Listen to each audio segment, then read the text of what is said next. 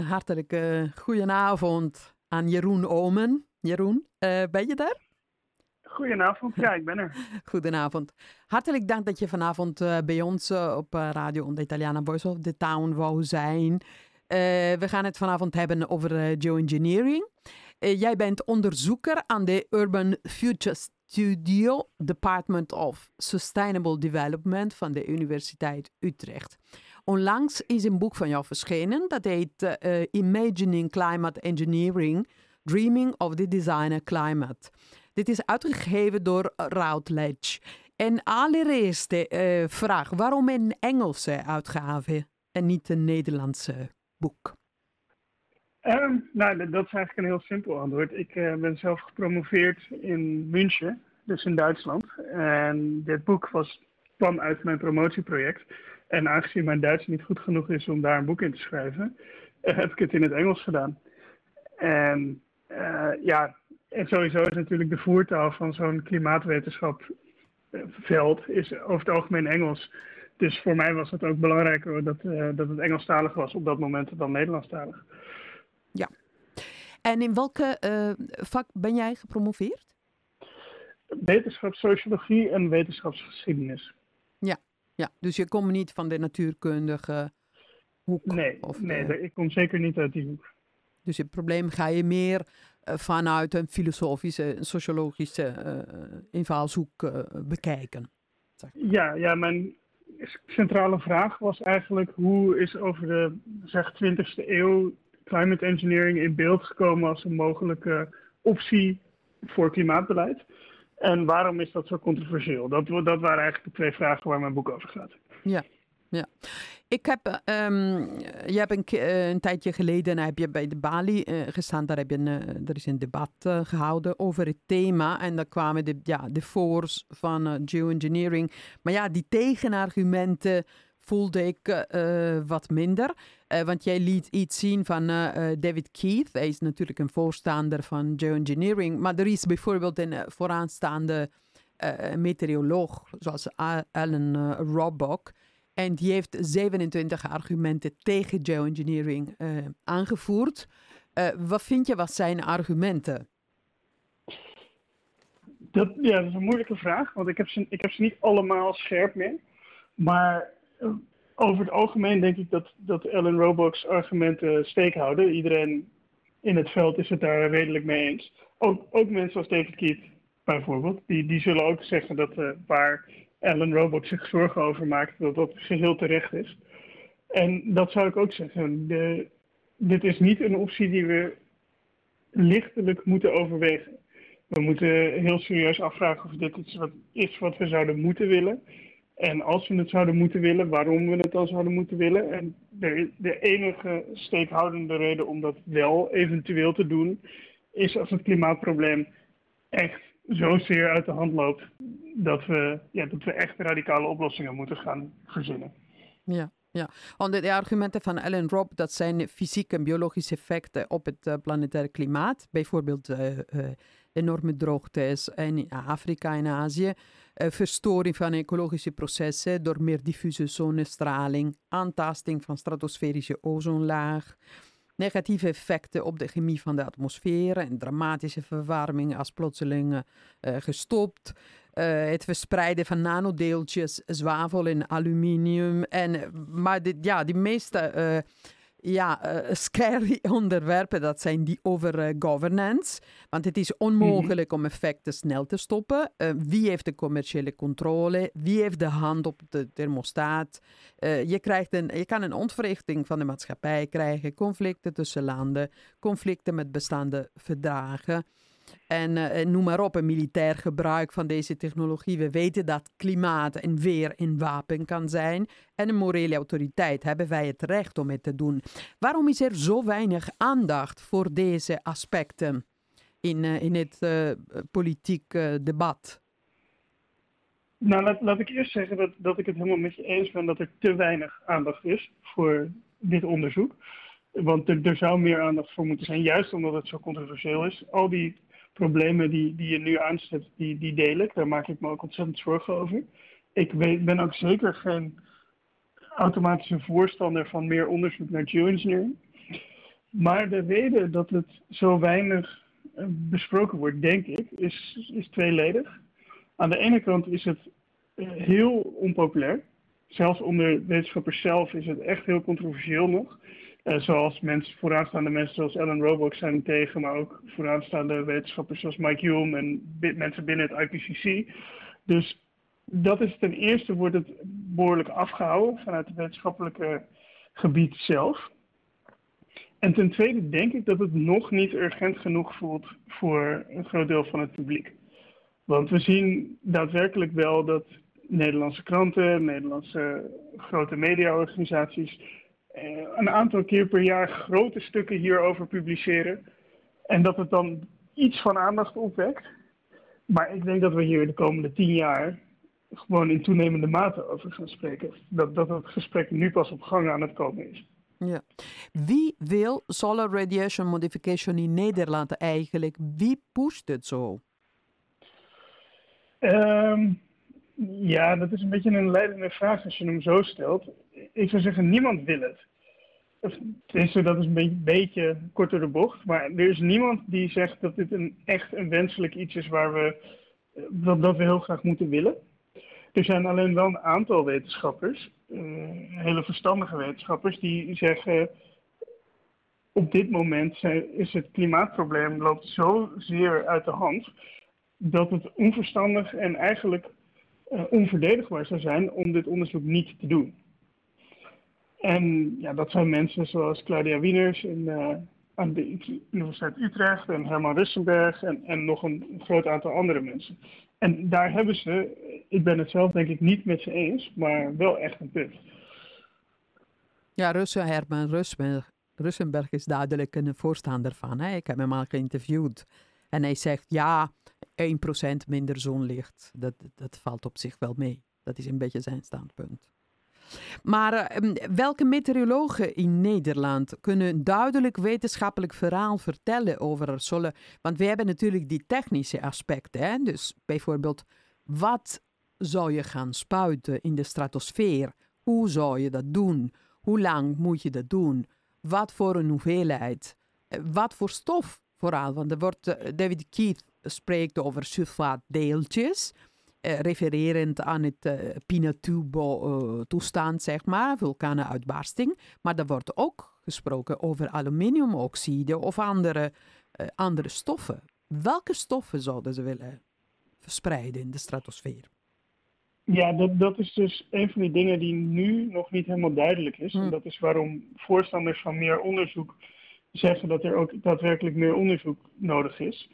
Die, het nadeel van die zwaveldeeltjes is dat er een, een groot risico is dat het een uh, interactie met de ozonlaag op gang brengt, waardoor we weer met een gat in de ozonlaag zullen kampen. Maar er zijn dus wel stemmen voor eventuele alternatieven. En welke zijn die alternatieven? Is, nou, de, de, dingen die jij opnoemde, maar er zijn ook claims over uh, verschillende vormen van calciumdeeltjes die veel minder zouden moeten reageren in de stratosfeer en dus veel minder problemen zouden moeten opleveren. Het probleem is dat men heel veel van dat soort dingen niet helemaal met zekerheid kan zeggen. En vooral wat het precies doet uh, in termen van klimaatbescherming, zoals zij dat dan zouden zien, zonder daadwerkelijk het onderzoek te doen. En dat is dus ook de, het argument om wel onderzoek te doen. Hm. Alleen er is nu niemand op dit moment die, die er een echt een eenduidig antwoord op kan geven. Want de enige kennis die we er nu over hebben, of vrijwel de enige kennis, komt uit modelprojecties. En ja. het onderzoek is nog nauwelijks in de fysieke omgeving gedaan. Ja. Uh, waarom volgen wij niet de ontwikkelingen in China? Waar, wij weten, het is officieel. Ze hebben een grootschalig uh, solar radiation management programma. Uh, ze zijn het aan het uitvoeren. Dus zij doen van alles. Ze doen echt cloud seeding, maar ze doen ook cirrus verdunnen, wolken bewerken en dat soort dingen. Daar zijn ze nu al mee bezig. Waarom weten we zo weinig over China? En waarom zijn we niet geïnteresseerd om meer erover te weten? We weten wel dat er enorme overstromingen op dit moment in China zijn. Dus de vraag is ook, uh, ja, in hoeverre zou dat niet door uh, allerlei uh, handelingen veroorzaakt kunnen worden? Ja, ik, ik, ben natuurlijk geen echte klimaatwetenschapper, dus ik, ik, kan hier niet met heel veel autoriteit over zeggen. Maar wat ik wel vrij zeker weet vanuit mijn kennis van de klimaatwetenschap is dat die overstromingen in China en ook bijvoorbeeld de overstromingen in Europa van de laatste tijd, die zijn veel beter te verklaren aan de hand van het veranderende klimaat dan aan de hand van mogelijke ingrepen. En daarbij is het belangrijk om ook een, uh, een onderscheid te maken tussen uh, het grote klimaatengineering, waar China daadwerkelijk wel interesse in heeft en ook echt onderzoeksprogramma's in heeft, maar dat nog niet op de schaal aan het doen is waar veel over gepraat wordt in relatie tot het klimaatprobleem. En het manipuleren van het weer. Dingen als cloud seeding, dat, dat doet China daadwerkelijk, dat doet India ook. Dat hebben verschillende Europese landen en Amerika in het verleden ook veel gedaan. Um, dat gaat om het specifiek opwekken van regen op bepaalde momenten op bepaalde plekken, zodat het of niet ergens anders valt, of juist op de plek valt waar ze het willen hebben. En ook dat heeft echt zijn problemen wel. Maar dat is van een hele andere orde dan de vraag of we het klimaat op mondiale schaal willen manipuleren. En voor zover ik het weet, en ik denk dat dat redelijk klopt, um, is China op dit moment eigenlijk alleen bezig met het uitvoeren van regionale dingen. En hebben ze net als de Verenigde Staten en net als Europa een onderzoeksinteresse in hoe ze um, kunnen, dit soort technologieën kunnen gebruiken om het klimaatprobleem op mondiale schaal eventueel minder heftig te maken. Ja, ja het probleem is natuurlijk als je ongecontroleerde uh, experimenten doet, dan weet je niet wat gebeurt. Ik bedoel, uh, cloud seeding, ja, dat klinkt heel onschuldig. Maar als je dat regionaal op een groter gebied doet, dat betekent dat je regen onttrekt aan bepaalde gebieden. Met gevolgen droogte. En aan een ander gebied, dan kan je die enorme stortregens, uh, ja, in een uur, dan krijg je halve liter, uh, halve meter regen of zo. Dus dit, dit, je kan het wel, je kan wel zo rotzooien, op, en, ja, enorme schade veroorzaken. Ik bedoel, houden we dat in de gaten? Wat doet de Europese Unie? Heeft de Europese Unie enig zicht op dit soort experimenten hier en daar? Enig zicht ongetwijfeld. Maar natuurlijk niet het volledige overzicht. Net zozeer als dat we nooit precies kunnen weten wat de Amerikaanse militaire onderzoeksarmen aan het doen zijn, weten we dat ook zeker niet in China. En waarschijnlijk zijn er ook projecten in Europa waar we niks van weten. En misschien ook binnen de politiek weinig zicht op is. Maar dit is eh, natuurlijk al uh, angstwekkend. Hè? Ik bedoel, er zijn, ze zijn bezig met allerlei experimenten. We weten niet precies wat het is. Maar de gevolgen kunnen enorm zijn. En we weten het niet eens. We hebben, het niet, een, we hebben niet eens een plaatje. Dit heeft trouwens Bram Brechtman ook tegen mij gezegd. Hij zei ja, ja, ja, hier en daar, dat gebeurt wat. Maar ja, we weten het niet precies. Ze zijn er ook niet in geïnteresseerd. Ik vind dit echt angstwekkend. Nou, ik zou niet zeggen dat men er niet in geïnteresseerd is. Alleen ik denk dat voor mensen en, en ook voor mijzelf, dat de eerste angst op dit moment is de opwarming van de aarde. En ja, deze technologieën en zeker ook cloud seeding en, en andere vergelijkbare technologieën zijn echt problematisch. En er zijn in het verleden ook echt hele nare dingen mee gebeurd. Maar um, als we bij het hebben op, over geoengineering binnen het veld waar ik me dan in bevind, dan gaat het dus echt om het gebruiken van dit soort hele invasieve technologieën om de opwarming van de aarde tegen te gaan. En dat brengt hele grote vragen met zich mee. Maar wat we daar wel vrij zeker van weten, is dat er, dat, dat nog nergens gebeurt. En zelfs Ellen Robock bijvoorbeeld zegt, nou, als dat zou gebeuren, zouden we dat toch uiteindelijk wel kunnen observeren. Daarvoor zijn onze observatienetwerken gewoon goed genoeg. Dus Ja, maar de vraag is of dit naar het publiek toe gaat. Hè? Want ik bedoel, eh, natuurlijk de Verenigde Staten, die, die, hebben alles in de gaten. De Five Eyes, die hebben alles in de gaten wat in de wereld gebeurt. De vraag is, merken ze iets? Komt het dan naar het publiek toe? Ja, vast niet alles. Maar dat is in principe, komt er waarschijnlijk wel genoeg naar het publiek toe. Want de mensen, zeker die observatienetwerken waar we het nu over hebben, die zijn, worden ook gewoon bemand door een heleboel uh, wetenschappers. En die zullen hierover kunnen publiceren en dat zal zo opvallen. Dus daar zou ik me in eerste instantie niet enorm zorgen om maken. En ik snap, ik kan me ergens dat wantrouwen wel voorstellen, maar dat lijkt me in geoengineering op dit moment niet de meest urgente discussie. Ja, uh, laten we even praten over uh, ja, de verwarming van de aarde. Wordt Nederland echt uh, warmer? Ik heb vanmiddag nog even gekeken naar de gemiddelde temperaturen van 2021 volgens de KNMI De Beeld. En dan heb ik gezien dat ten opzichte van vorig jaar, dan is er een algemene daling van temperaturen. en die temperaturen, die, ja, de, de vergelijking stond met de normale temperatuur voor deze maanden. En tot en met juli, dan was het altijd of een grote, ja, minder en, lagere temperatuur dan, uh, dan normaal, of gewoon de normale temperaturen. Is het echt zo dat wij um, hogere temperaturen meten? Want volgens de KNMI is het in Nederland niet zo. Nou, ten, ten, eerste is het in Nederland ook zo, maar kan je op basis van één jaar kan je geen conclusies trekken. Dus de klimaatwetenschappers gebruiken over het algemeen periodes van 20, 30 jaar daarvoor. Want anders zitten individuele variaties in de jaren. Dus het zou goed kunnen dat dit jaar minder warm is dan vorig jaar. Of zelfs het jaar daarvoor. Maar dat er gemiddeld gezien wel een hele sterke opwarming van Nederland is. Daarnaast is de vraag ook niet zozeer of Nederland specifiek warmer wordt. Het is meer dat de hele planeet over het geheel warmer wordt.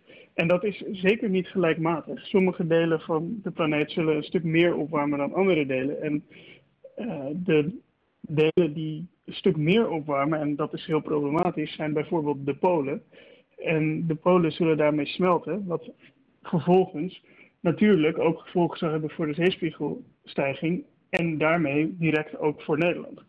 Dus ten eerste wordt Nederland echt wel warmer. Alleen misschien niet dit jaar ten opzichte van vorig jaar. Dat, heb ik, dat is ook nog helemaal niet duidelijk. Daarvoor moeten we toch, zullen we toch nog een jaar moeten wachten voordat daar conclusies over te trekken zijn.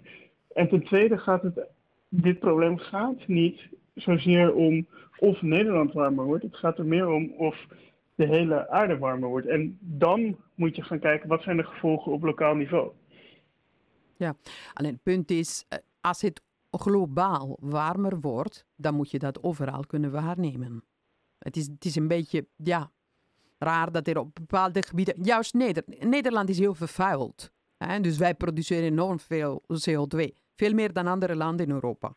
Dus dan zou je verwachten dat wij juist veel meer broeikaseffect uh, hebben.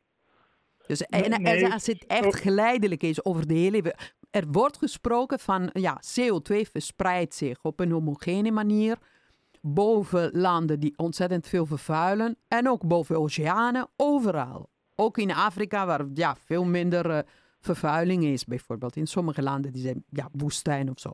Dus als je dat homogene verspreiding hebt, het is een beetje ja, raar dat op bepaalde plekken verwarmt het uh, niet, op andere wel. En wat, nou, ja? Het, verwarmt wel overal, of praktisch overal. Het verwarmt alleen niet gelijkmatig. En dat heeft te maken met de manier waarop de zonne-energie zich verdeelt binnen het klimaatsysteem. Dus sommige regio's zijn gewoon een stuk gevoeliger voor opwarming dan andere regio's. En dat is niet gelijkmatig verdeeld.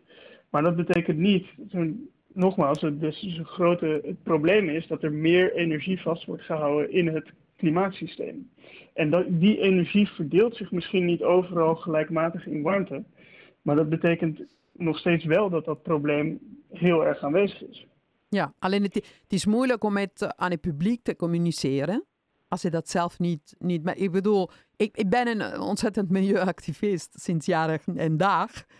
Dus ik, geloof het allemaal. En we, zijn al jaren bezig. We zeggen, ja, we moeten die, die emissies reduceren. Dus ik ben niet iemand die, die dat totaal ontkent. Integendeel. Maar het is moeilijk om aan het publiek te verkopen dat het uh, ja, alles opwarmt. Nou ja, mensen vinden het fijn dat het uh, ja, lekker uh, minder koud is of zo. Dus het is moeilijk om een gedragsverandering van mensen te vragen op dit moment, omdat het zo onduidelijk is. En ja, je moet zoveel uitleg geven voordat die mensen echt denken: oké, ja, het is een groot probleem. Ik, ik voel een beetje dat, ja, die problematiek niet doorkomt op deze manier. Dat is wel inderdaad ook iets waar ik me zorgen over maak. En ik denk met mij iedereen die klimaatonderzoeker is. Hoe zorg je nou dat hier gedeelde urgentie over is? Maar tegelijkertijd zien we wel, we zien sowieso een verschuiving in de afgelopen vijf à tien jaar. In dat iedereen, of steeds meer mensen het echt accepteren als iets dat aan het gebeuren is. En dat er een hele nieuwe jonge generatie activisten opstaat. Die een hele nieuwe stem laat horen. Dat is een generatie die een stuk jonger is dan mijn generatie. Mijn generatie was eigenlijk vrij blasé. En daar, dat stemt hoopvol. En tegelijkertijd beginnen we de echte gevolgen van klimaatverandering daadwerkelijk om ons heen te zien. Dat soort stortvloeden en stortregens zoals we de afgelopen weken in, in Limburg, Duitsland en België hebben gezien, zijn een stuk denkbaarder in een klimaatveranderende wereld. Dus is het heel logisch om de connectie met klimaatverandering te leggen. En die enorme hittegolven aan de westkust van de, van Noord-Amerika, die zijn zelfs praktisch ondenkbaar zonder klimaatverandering. En dat soort momenten die heel erg in het nieuws komen, die zijn toch vaak schokkend. En helaas hebben we dat soort momenten nodig om een soort van de over de algehele trend um, op een bepaalde manier invoelbaar te maken. Hm. Ja, maar toch, um, ik bedoel, vroeger had je, we waren milieuactivisten. Dus wij zeiden, we vervuilen te veel. Lucht, water, grond. Hè, we doen van alles. Dus wij moeten minder dit doen. We moeten minder auto rijden. We moeten minder elektriciteit stoken. We moeten minder, minder eten, beter eten, biologisch eten. Dus wij hadden allerlei concrete dingen die wij moesten doen. Maar wat zie je vandaag? Schiphol blijft groeien. Mensen blijven vliegen. Eh, je zou tot duizend kilometer met de trein kunnen gaan. Nee, mensen gaan gewoon vliegen. Ik, ik, las, uh, ik zag zelfs dat uh, ja, internationale treinen bijvoorbeeld, die waren er vroeger wel, nu niet. Wil je naar Berlijn gaan, ja, dan moet je, word je aangemoedigd om met, met de vliegtuig te gaan. Dus ik begrijp niet waarom mensen zouden bang zijn voor uh, klimaat. Oké, vroeger was het milieu, duidelijker volgens mij. Want klimaat, dat zegt niet zoveel. Hè. Sommige mensen vinden klimaat lekker zo, zoals het is. Lekker zonnig, lekker uh, buiten op een terrasje. Milieu is veel duidelijker. En dat dwingt mensen echt tot actie. Dus, maar eh, eet minder vlees bijvoorbeeld. Eet geen vlees van kippen die in een lager eh, of, of in, een, in een concentratiekamp gefokt zijn. Dus vroeger had je die concrete dingen. Vandaag heb je dat niet. Iedereen wil een beter klimaat. Maar ja, straks gaan ze allemaal vliegen naar, uh, voor een weekje naar uh, Thailand of uh, Mallorca of Ibiza. Ja, dat, dat blijft een, een heel groot probleem inderdaad. Dat zelfs mensen die heel erg overtuigd zijn van wat er moet gebeuren, zich daar toch niet altijd naar gedragen, of heel vaak niet naar gedragen. En dat we met z'n allen in een systeem leven waarin we heel erg worden aangemoedigd om uh, milieuonvriendelijke keuzes te maken. En ik, kijk, het probleem is, het dringt blijkbaar. Het probleem, het grootste probleem van klimaat, van verwarming van de aarde, dringt niet door. Want anders zou je bepaalde keuzes vanzelf automatisch maken. Blijkbaar vinden de mensen dat niet dringend genoeg. Ja, er is een probleem geweest in Duitsland, maar ik, ik was in Duitsland ook en je merkte helemaal niks van. Ja, ja bepaalde dorpen die, helemaal, die zijn helemaal verdwenen en vernietigd, maar heel lokaal. In Duitsland merkte je verder niks van die, van die grote problemen. Dat is, het is moeilijk om, om dat ja, aan, aan mensen. volgens mij hebben ze het gewoon niet door. Ja, maar ik denk dat we, we moeten dit vooral niet zien als een probleem van individuele mensen. We moeten niet de, de plicht leggen op elk individueel mens om, om hier dit altijd consequent in zijn of haar hoofd te houden. En daarmee um, een soort plicht te hebben om altijd maar de juiste keuze te maken. Want we weten dat, dat iedereen tot een bepaalde hoogte hypocriet is. Dus niet iedereen zal de juiste keuzes maken. Nou, niet, ik denk niet iedereen. Kijken, ja. Ik denk niet dat mensen hypocriet zijn. Ik denk dat zij het probleem van verwarming van de aarde minder erg vinden dan corona bijvoorbeeld. Dat is een feit. Ja, het, is, het, het, is, het is minder urgent. Het, het is minder direct in je leefomgeving. Maar ook, ook bij corona, en daarom is corona misschien wel een, een fantastisch voorbeeld. Het eerste wat er gebeurde bij corona was een collectieve oplossing was een structurele oplossing. Was een overheid die zei: en nu gaan we op bepaalde manieren dingen doen. En jullie hebben je er maar aan te houden. En ja, maar ze waren dat is tot dit, ja. dat, met heel veel gedoe. En uh, tot op zekere hoogte ook zeer discutabel. Maar dat werkte wel. Op een nou, bepaalde manier. Omdat mensen gedwongen werden. Ik bedoel, je mocht niet s'avonds niet op straat. Kijk, als je vliegen tot duizend kilometer verbiedt, nou, dan gaat niemand vliegen, logisch. Als je treinen aanbiedt, dan gaat dit ook gebeuren. Maar ja, de overheid denkt er niet aan, want Schiphol is heilig. Eh, KLM is heilig. Dat, dat zien we. Het eerste geld, ja, wat, dat, dat, de eerste steun ging naar hun. Hè, voordat het naar, naar, naar die bedrijven ging die problemen hadden door die corona. Het ging gewoon naar de luchtvaart. Dus de overheid doet het als eerste. En mensen denken, oké, als de overheid Schiphol wil laten groeien, dan is het prima. Dan gaan we lekker naar Mallorca vliegen. Ja, maar daarin zien we wel een kentering. De toenemende groei van, van Schiphol was vier, vijf jaar geleden echt een stuk vanzelfsprekender dan dat nu is.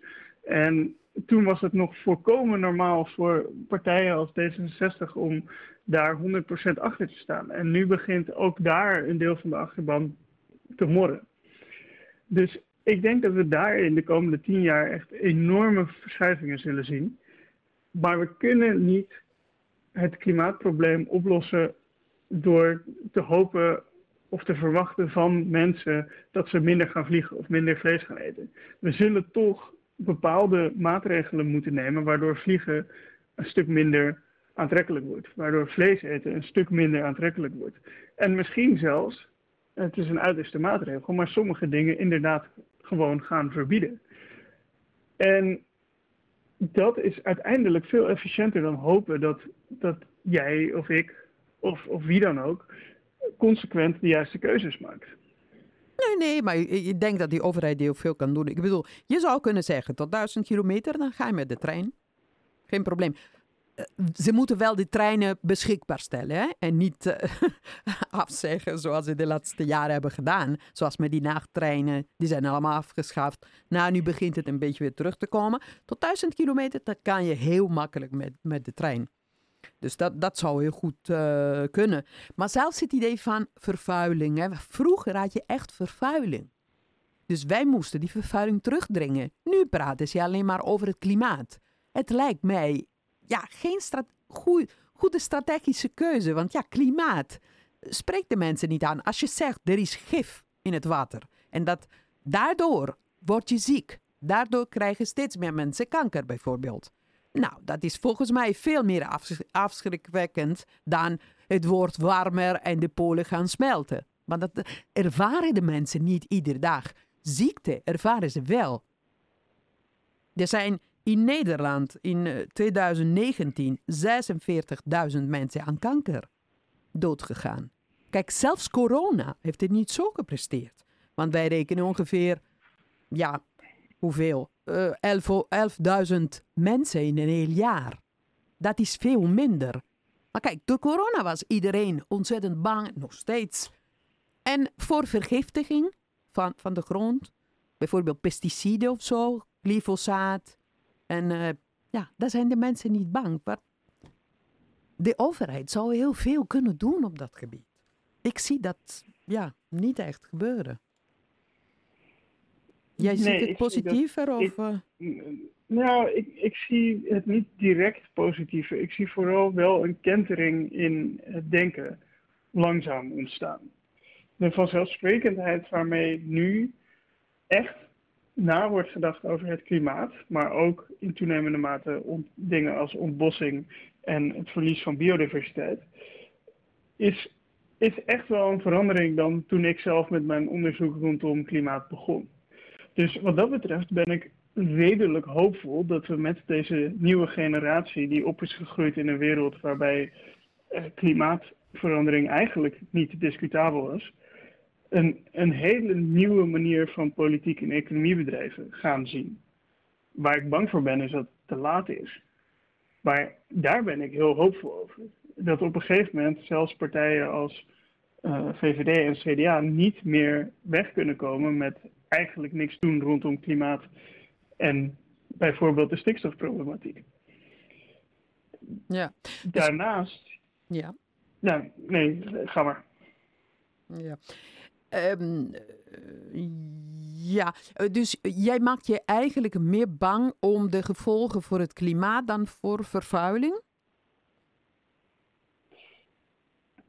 Ja, dat is, dat is denk ik wel heel platgeslagen, maar ja op dit moment denk ik dat, dat het klimaat een urgenter probleem is dan vervuiling. Ja, maar vervuiling, dat, dat komen echt miljoenen mensen gaan dood door vervuiling. Hè? Dat is luchtvervuiling in de steden en uh, grondwatervervuiling, uh, grond... Ja, Daardoor gaan en kan je echt meten dat mensen in de steden ja, veel vaker ziek worden.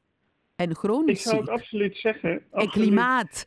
Ja, bij ons, ja, zo'n stortregen of zo, maar dat staat niet in verhouding met die, die doden die door uh, de milieuvervuiling komen. Nou, ten eerste is het, is het heel moeilijk om precies te duiden wat er nou door milieuvervuiling komt en wat niet. Maar ten tweede wil ik ook helemaal niet zeggen dat we niet ons zorgen moeten maken over vervuiling. En sterker nog, heel veel van die vraagstukken vallen in elkaar. Een deel van de luchtvervuiling komt ook van verbrandingsovens die, of auto's, uh, verbrandingsmotoren in auto's, die ons tegelijkertijd heel veel problemen met klimaat opleveren. Dus een groot deel van de vraagstukken rondom milieuproblematiek, zoals klimaatverandering, zoals vervuiling, zoals uh, het gebruik van veel te veel vee, vallen in elkaar en zijn niet los van elkaar op te lossen. Dus ik denk dat op dit moment, voor mijn, naar mijn inzicht, het klimaat en het verlies van biodiversiteit de twee echt grote vraagstukken zijn die ervoor kunnen zorgen dat het hele systeem op, op mondiale schaal volledig ontregeld kan worden. En dat is iets waarmee, waar ik me met de meeste vervuiling niet direct heel erg zorgen om maak. Betekent niet dat dat, niet iets, dat, dat dat iets is waar we ons geen zorgen over moeten maken. Natuurlijk moeten we daar zoveel mogelijk aan doen. Wat mij betreft zouden we al die problemen aanpakken. Ja. Ja, we zien dat wat betreft uh, in Nederland, in Nederlandse steden worden veel oude bomen gekaapt. En in plaats daarvan komen dunne sprietjes. Uh, ik, ik vind het, ja, ontzettend erg, want we weten dat bomen heel goed zijn in het opvangen van CO2. En dat doen dunne sprietjes niet. Het duurt 40 jaar voordat je een boom echt volwassen hebt. En uh, dus ik, zie, ik merk dat er ja, toch veel te weinig aandacht is naar dit probleem in Nederland ook. Het wordt enorm veel gekapt. Ja, en, uh, ja waarom gebeurt dat? dat? Ja, ik, ik zie het niet beter worden. Ik zie in tegendeel dat er ja, veel minder aandacht is. Vooral in steden. Hè? Dus in steden dan helpen bomen ontzettend om het klimaat beter te maken. Je krijgt echt uh, door bomen, dan krijg je soms uh, 2 graden minder warm dan, dan zonder bomen. En toch wordt het ontzettend veel gekaapt.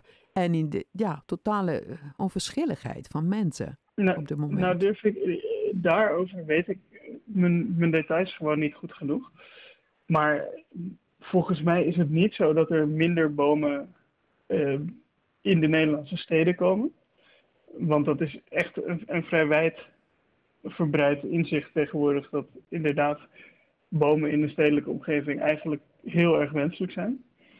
Um, daarnaast is het op zich het, het kappen van een semi-volwassen boom en het vervangen van die boom met een jonge boom op klimaatgebied niet direct problematisch. Want je zou die boom die je gekapt hebt, de CO2 die daarin opgeslagen is, zolang je de boom niet verbrandt, blijft daarin opgeslagen. Als je dan vervolgens bouwt met dat hout, dan kan die nieuwe boom weer nog meer CO2 opslaan. Dat is ook hoe men heel vaak denkt dat als je veel meer houtbouw gaat gebruiken en veel meer bossen aanbouwt, dat je een soort verversende manier van CO2-opslag zou kunnen doen. Ja, maar gezonde oude bomen, die mag je niet kappen. Want het kost 40 jaar om eh, zo'n boom te krijgen. En ze vangen veel meer CO2 op. Dat is niet, ja, niet te vergelijken met, met jongere bomen. Maar goed, um, nog een vraag. We weten dat klimaat, dus we hebben natuurlijk de temperatuur, maar we hebben ook veel andere belangrijke factoren. We hebben dus ook te maken met de temperaturen van oceanen. En we weten dat de circulatie in de oceanen echt enorm lang duurt. We hebben zo, ja, ik weet niet of je ervan gehoord hebt van die thermohaline circulatie. Dat is echt in de oceanen, dan heb je uh, warmte, warme stroming en koude stroming. En het stroomt helemaal in de wereld. En het begint bij die Atlantische Oceaan, zeg maar. Dan gaat het inzinken, zeg maar. En dan komt het weer, gaat het helemaal stromen naar de Stille Oceaan. En dit hele proces duurt echt duizenden jaren. Dus dat betekent dat de temperatuurverschillen in de oceanen echt zo'n enorm lange periode hebben om, om te circuleren door de aarde heen. En we weten dat de aarde door twee derde door oceanen, oceanen gevormd wordt. Dus de vraag is hoe kunnen wij als mensen dit soort, uh, uh, dit soort verschijnselen beïnvloeden? verschijnselen die duizend jaren duren. Hoe erg het ook is wat wij doen aan vervuiling, aan uitstoten van emissies. Maar we zijn veel kleiner dan die oceanen. Dus die invloed van die oceanen, dat moet toch veel groter zijn dan wat wij met onze krachten doen als mensen. Dat is wat we inderdaad heel lang hebben gedacht. Tot zeker in de jaren 70, 80 was ook binnen de wetenschappelijke wereld. kon men zich eigenlijk niet voorstellen eh, dat we de impact hebben op, op planetair niveau die we hebben. Omdat het ondenkbaar was dat zoiets nietigs eigenlijk als de menselijke beschaving dat zou kunnen doen. Alleen sinds die tijd zijn we erachter gekomen dat in termen van um, een heleboel hele belangrijke cycli van de aarde, wij, wij meer impact hebben dan de aarde zelf. En een van die cyclussen is bijvoorbeeld het uh, verplaatsen van grond. Doen wij nu meer dan alle andere processen op aarde. Verplaatsen, sorry, van het, grond? Het, uh. Van grond. Dus het, het bijvoorbeeld het, het um, de erosie, de natuurlijke erosie, is minder dan de impact die menselijke systemen hebben hm. daarop, wereldwijd. Datzelfde geldt voor fosfor en stikstofcycli. Die worden nu meer door mensen beïnvloed dan door natuurlijke systemen. Wat betreft CO2 gaat het zelfs om een um, vergroting of een, een, verhoging van de concentraties in de atmosfeer op een tempo die waarschijnlijk nog nooit eerder is voorgekomen hmm. in de geschiedenis van de aarde. En, en zo, zo zijn er een heleboel van dat soort fenomenen, waardoor het, geheel van de menselijke samenleving nu zo ongelooflijk veel impact heeft, dat we wel degelijk kunnen zeggen dat we in een periode leven waar de menselijke wereld op een bepaalde manier net zoveel impact heeft als hm. bijvoorbeeld de oceanen. Ja, ja maar dit kan je niet wetenschappelijk bewijzen. Hè? Ik bedoel. Nou, hier, hier, is, hier is wetenschappelijk bewijs voor. En ja, behoorlijk overtuigend. Maar als wij praten over duizend jaren, dus die oceanen, die, die stromingen in de oceanen, die hebben zo'n cyclus van duizend jaar. Wat, wat weten wij daarvan? We kunnen dat niet zomaar zeggen. We kunnen er heel veel wel over zeggen. Natuurlijk weten we niet, niet alles daarover. En, en ik zeker niet, want het is niet mijn vakgebied. Maar we kunnen heel veel wel zeggen doordat we op allerlei verschillende manieren daar kennis over opdoen. Die we dan met elkaar vergelijken. En zolang die systematisch met elkaar blijkt te kloppen, kunnen we vrij zeker zeggen dat onze conclusies daaruit kloppen. En natuurlijk weten we dit niet perfect, maar dingen zoals het klimaat over de afgelopen uh, tienduizenden jaren, of een, een, aantal andere dingen zoals tektonische plaatsverschuivingen, dat soort dingen kunnen we allemaal met vrij veel zekerheid zeggen. Ja, maar we hebben ijzerperiode gehad, uh, ijsperiode ehm, gehad en we hebben periodes gehad wat, waar het een, enorm warm was. En ja, ik bedoel, maar goed, ja. Um, er is ook een ander eh, verschijnsel. Um, dat, dat heet die verwarming van de stratosfeer. Ik weet niet of je daarvan gehoord hebt. Uh, maar deze verwarming, en uh, vooral in de plotselinge verwarming van de stratosfeer, is waargenomen de laatste jaren. En in sommige gevallen die, um, die, die extreme weersextremen werden verklaard aan de hand van zo'n plotselinge plotselinge verwarming van de stratosfeer, waardoor de polar vortex en de jetstream um, in tweeën verdeeld werd op een, op een ongecontroleerde manier. Uh, en dat, uh, dat was de oorzaak van allerlei uh, klimaat- of weersextremen. wat kunnen we um, zeggen over de stratosfeer? Ik bedoel, zo'n plotselinge verwarming van de stratosfeer, dat kan, dat kan niet door menselijke handelen komen. Daar weten we niets van. ik ga hier, mij hier absoluut niet aan wagen, want ik weet hm. hier echt veel te weinig vanaf. Maar ehm, wat ik wel durf te zeggen, is dat als ehm, dat als mensen hier echt daadwerkelijk aanleidingen voor zagen, de mensen die hier wel verstand van hebben, om naar andere oorzaken te zoeken, dan was dat gedaan en dan wordt dat gedaan. Hm. Ik, ik, ben een hele tijd bezig, want ik heb met Bram Brechtman uh, gesproken en hem gevraagd hoe hij deze plotselinge verwarming van de stratosfeer kon verklaren. Maar hij kon geen verklaring geven, want het komt niet door, door CO2, dat is duidelijk. Het gebeurt in de stratosfeer. Je hebt een ver, verwarming van ongeveer 40 graden Celsius. Nou, dat is enorm. Uh, zou dat door de mens komen? Ja, en hoe? Uh, dus hij kon het niet verklaren. Maar hiermee wil ik zeggen dat zijn zoveel verschijnselen die wij Althans, ik heb geen, uh, geen verklaring gehoord uh, door meteorologen in Nederland. Ik wil ze heel graag deskundigen hierover interviewen. Maar het is heel moeilijk om, om ze te pakken, want ze zijn er blijkbaar niet. Weet ik niet. Maar je hebt dit soort verschijnselen, die zijn enorm. En waar komen ze vandaan? Die komen niet door CO2. Dus hiermee wil ik zeggen dat er zoveel dingen gebeuren in de stratosfeer hoog die wij niet kunnen verklaren en die wij niet aan het onderzoeken zijn en die een enorme rol zouden kunnen spelen, ook in de klimaatverandering. Dus niet alleen CO2, dat, dat wil ik, uh, dat wou ik ermee zeggen. Er is ook iets over waterdamp, hè? want we weten dat de belangrijkste broeikasgas is niet, niet eens CO2, maar dat is waterdamp. En waterdamp wordt natuurlijk geproduceerd, neem ik, neem ik aan. Dat wordt niet door de mens geproduceerd, toch? Ja, dat wordt ook door de mens geproduceerd. Hoe, hoe, produceren we dat? Waterdamp in de stratosfeer, hoe, hoe produceren we dat? Dat, dat komt door, ja, dat komt door, uh, door de natuur. Maar ik, ik, ik geloof dat hier een, een onderliggende de vraag zit die, die misschien nog niet gesteld is. Maar volgens mij is inderdaad de conclusie dat er heel veel dingen zijn die we absoluut nog niet begrijpen over de natuur. En over het klimaatsysteem, daar zal iedereen het mee eens zijn.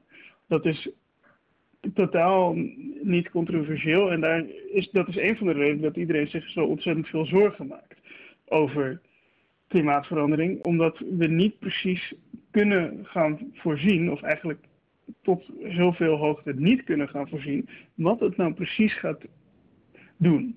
Wat we wel weten, is dat het systeem waarin we nu zitten, eigenlijk onevenredig stabiel is geweest over de afgelopen 10.000 jaar.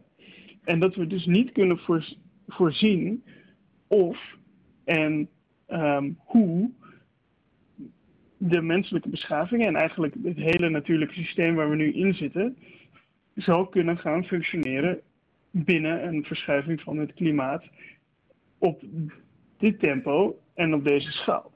Dat dat ten eerste. En ten tweede kunnen we met hele grote zekerheid zeggen dat het gros van de klimaatverandering zoals we die nu zien, in termen van opwarming, echt zeer zeker toe te schrijven is aan CO2. Dus dat er een, en, en een aantal andere broeikasgassen zoals methaan, maar voornamelijk CO2. En dat dat dus in ieder geval een speerpunt van ons beleid zou moeten zijn. Mm, ja, maar waterdamp, ik heb echt, uh, ja, dat, staat er echt vast dat dit de grootste klimaatgas, dat is waterdamp. Dus eh, dat zien we ook aan ja, wolken. Hè? Ik bedoel, door wolken dat verandert de temperatuur zo. Dat kan zo enorm uh, veranderen. Dus de grootste uh, klimaat uh, broeikasgas, zeg maar, dat is waterdamp. De vraag is, zijn wij verantwoordelijk voor meer of minder waterdamp? dat is een tweede. Je zou kunnen zeggen, wij maken de atmosfeer veel warmer, waardoor er meer waterdamp komt. Dat kan. Dat kan. Maar dit, dit is niet bewezen. Ik, ik lees het nergens. Terwijl waterdamp is wel degelijk de grootste broeikasgas. En dan pas komt eh, methaan en CO2 en andere gassen. Maar de grootste is waterdamp. Ja, dus in hoeverre het kan zijn dat de mens dat beïnvloeden, maar hoe? Want we zouden dat makkelijk kunnen verminderen. Bijvoorbeeld, wij weten dat vliegtuigen, dat, doet, dat is een onderzoek die de Europese Commissie doet, ze zeggen dat de rol van de luchtvaart in het veroorzaken van waterdamp enorm is. Maar goed, als dat zo is, dan zouden wij ook maatregelen moeten nemen. Eh, dat is natuurlijk, en, en nogmaals, dat is niet mijn expertise. Uh, dat zijn de vraagstukken die we inderdaad moeten neerleggen bij de wetenschappers en, en beleidsmakers die daar over specifiek dat soort vragen de juiste interesse hebben of de juiste expertise hebben. Maar de, ja. het, het, is ook zeker, het, is ook, dus het, punt is ook absoluut niet dat CO2 het grootste broeikasgas is of het sterkste broeikaseffect heeft. Want er zijn inderdaad heel veel stoffen die heel veel meer uh, broeikaseffecten hebben en veel sterker zijn daarin. Het probleem is, is dat CO2 heel lang in de atmosfeer blijft als het er eenmaal zit. En dat we juist daarvan enorme veranderingen teweeg brengen. En dat is de verandering die we teweeg brengen met het klimaat. Maar waarom concentreren wij ons alleen op de CO2 en niet op waterdamp? Want die heeft ook een, een grote rol. Dit, ik, ik, vind, ik vind het jammer dat er alleen, alleen de focus, is op CO2 en niet op andere. Bijvoorbeeld, ja, die, die waterdamp. Daar hoor je ja, weinig dat, van. Dat, zul je, dat zul je dan moeten vragen, denk ik, aan mensen die, die daar echt meer verstand van hebben. Maar eh, mijn, uh, mijn antwoord zou zijn, omdat waterdamp niet het probleem is en CO2 wel. Eh, maar waterdamp, kijk in een broeikaas, wat zie je dan? Ja, al die glazen die worden gewoon, uh, daar komt condens op, hè? Dus dat is het meest wat, ja, wat je ziet. Waterdamp, dat maakt een broeikas. Eh, in een douche, ja, eh, dan krijg je allemaal condens. Dan krijg je bijna eh, mist. Hè, als ja, je lang dat, doucht. is- dat is een, een- een vergelijking die, die niet te trekken is. Het broeikaseffect waar we het over hebben, dat is, dat is slechts een analogie. Dat gaat natuurlijk niet letterlijk op dat het precies hetzelfde gebeurt in de atmosfeer als in een broeikas of in een douche. Ja, het maar gaat het is er, het gaat er iets- puur om dat CO2 ervoor zorgt dat er meer energie in het, of dat zonne-energie slechter het klimaatsysteem uit kan. Ja, En dat we daar een grote verschuiving in aan het Ik vind dat er, Maar- er wordt naar bepaalde eh, hoeken gekeken en er wordt ja, enorm veel daar, daarover geïnvesteerd. Maar op andere aspecten, ja, die worden niet eens eh, behandeld of bestudeerd. Maar ja, het is niet jouw, jouw vakgebied. Maar misschien kan je, eh, zou je mij kunnen aanwijzen wie ik zou kunnen interviewen die hierover wat meer kan vertellen. Want ik ben echt heel lang bezig. Maar ja, zo'n eh, duidelijker verhaal krijg ik niet. En ik denk dat het is niet alleen voor mij, maar het is gewoon voor het publiek. Die weet van niets. Hè? Die, die hoort eh, dit soort dingen en die denkt: oké, maar mm, ja, hoe kan je mensen overtuigen als je zoveel niet weet? Niet alleen met de angst van ja, gletsjers die gaan smelten en de polen smelten en, en we krijgen overstromingen. Ja, het is allemaal heel eng, maar ja, je moet wat meer kunnen uitleggen, denk ik.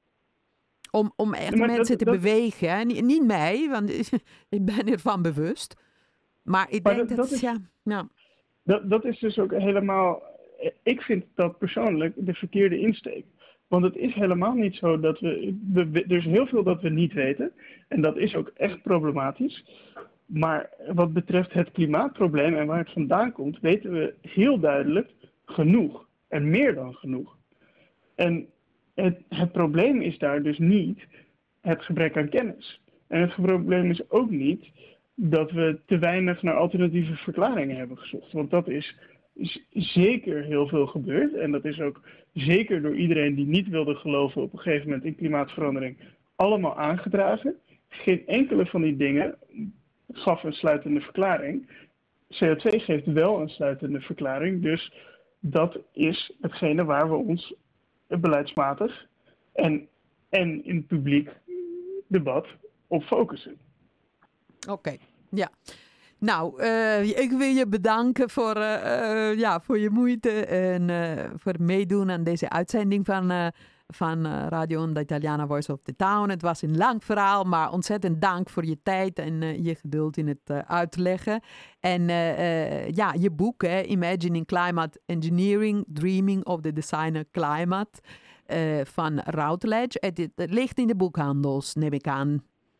Het staat op de websites. Ja. Ik denk Heel niet dat het in de boekhandel staat. Oh, nog niet. Je kan het dus via de website eh, bestellen? Je kan het via de website van Routledge kan je het bestellen. Ja, ja, mag ik vragen hoeveel het kost?